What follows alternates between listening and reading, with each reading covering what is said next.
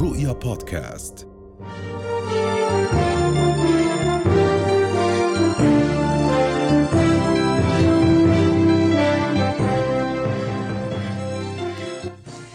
إذا مكملين معكم بفقراتنا وإلى الفقرة الصحية. واليوم رح نتحدث عن نقص الثايروكسين في جسم الإنسان والأعراض والأسباب أيضا ممكن تؤدي إلى نقص الثايروكسين. رح يكون موجود معنا دكتور فراس الطراوني أخصائي الأمراض الباطنية وأمراض الغدد الصم موجود معنا في الاستوديو. صباح الخير. وأهلا وسهلا دكتور. أهلا وسهلا. أهلا فيك.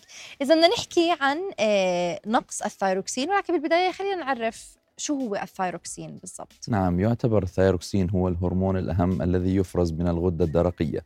والغدة الدرقية هي غدة لا قنوية تصب إفرازاتها في الدم مباشرة بشكل الفراشة في مقدمة العنق.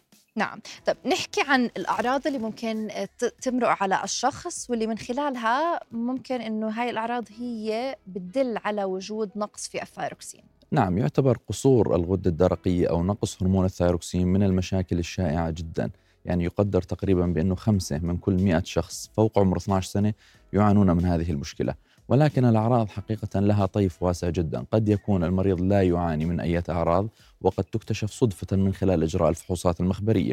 أما بشكل عام التقديم الكلاسيكي لمريض قصور الغدة الدرقية يكون على شكل التعب العام الإعياء الهزال والإرهاق عدم تحمل البرودة يصبح جودة الصوت صوت عميق أو صوت داكن أيضا يضاف إلى ذلك تساقط الشعر وزيادة الوزن مهم. وأيضا تورم أو تودم في بعض المناطق في الجسم طيب هل هاي الأعراض كلها لازم تجتمع مع بعض؟ لا في واقع الأمر قد يكون هناك واحدة أو ثنتين أو ثلاثة وقد لا يكون هناك ولا واحدة ولا من. هذه الأعراض طيب دكتور شو هي الأسباب الرئيسية لنقص الثايروكسين في جسم الإنسان؟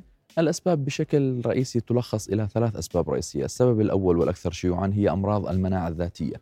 هذه الغدة هي جزء من نظام المناعة في الجسم وبالتالي عندما يفقد الجسم السيطرة ويصبح يهاجم نفسه بنفسه فيحدث لدينا ما يسمى التهاب الغدة الدرقية المناعي. فقصور الغدة الدرقية أو التهاب الغدة الدرقية المناعي ما يسمى بهاشيموتو وهي معروفة للجميع طبعا. وهناك أيضا بعض ال- الأنواع البسيطة مثل الصب أكيوت أو ما إلى ذلك.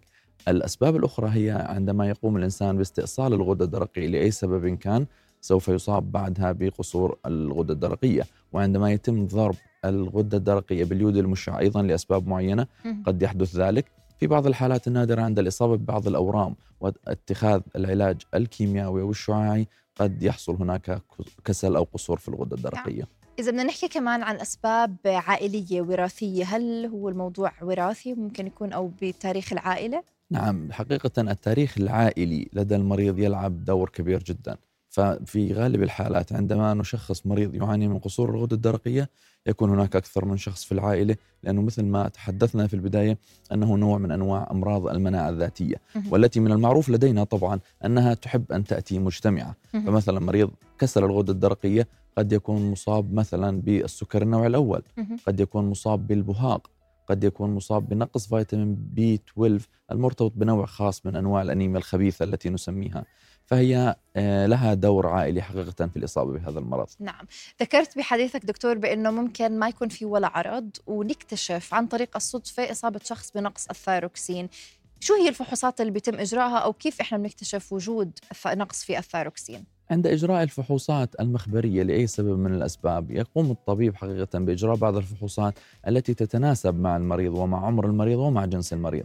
فعندما يقدم المريض إلى العيادة لإجراء check up ال check up يعتمد على المريض ونوعه وعمره وما إلى ذلك فعند إجراء فحوصات ما يخص الغده الدرقية نقوم بإجراء فحص الهرمون المحفز للغده الدرقية والذي يفرز من النخامية ما. يسمى TSH نعم. نقوم بإجراء هرمون FT4 free T4 في بعض الحالات نضيف عليها ما يسمى بال anti-TPO يعني مقياس عدد الأجسام المضادة التي تهاجم الغدة الدرقية.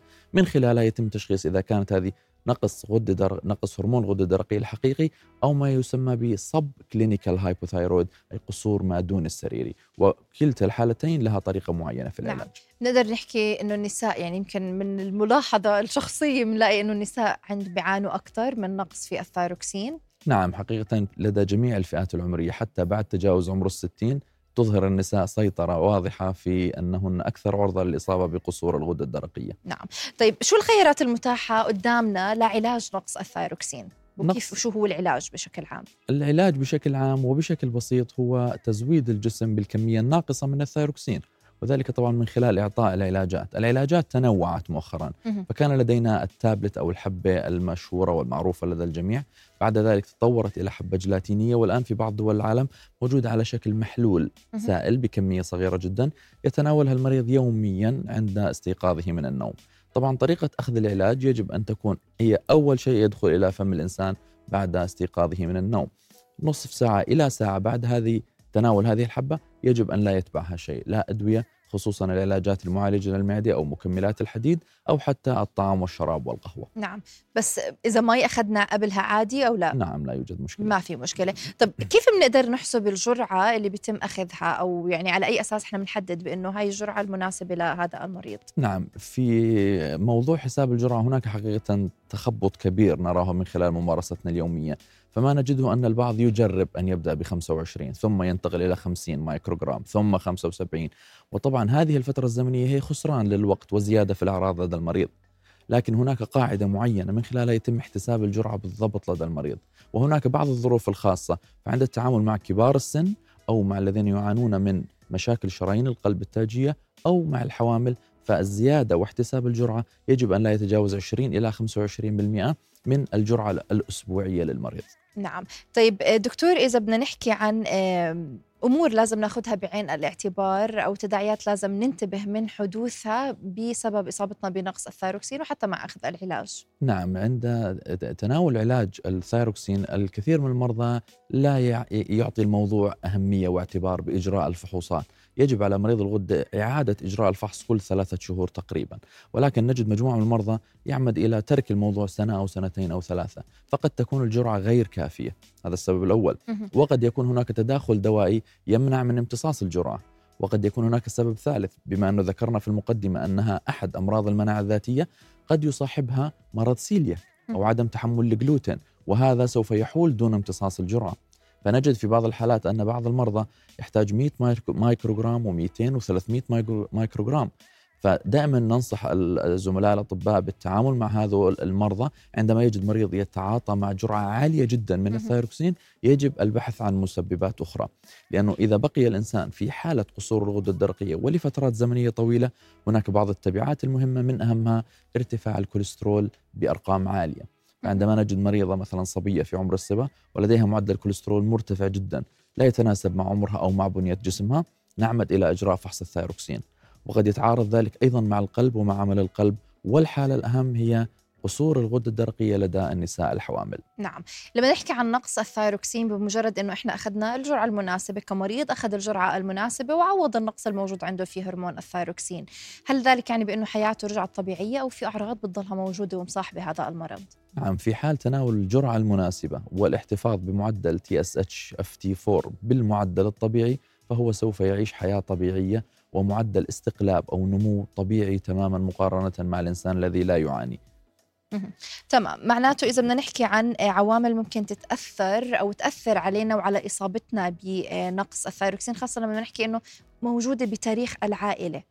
فهل في أمور إحنا ممكن نقوم فيها تحمينا من الإصابة ب أو تقلل من نسبة إصابتنا بنقص الثايروكسين؟ حقيقة لا يوجد شيء مهم وبشكل مباشر بقدر ما ننصح بتجنب التعرض للإشعاع وتجنب التعرض أيضا آه، عفوا زيادة التعرض إلى اليود من خلال الغذاء اليومي.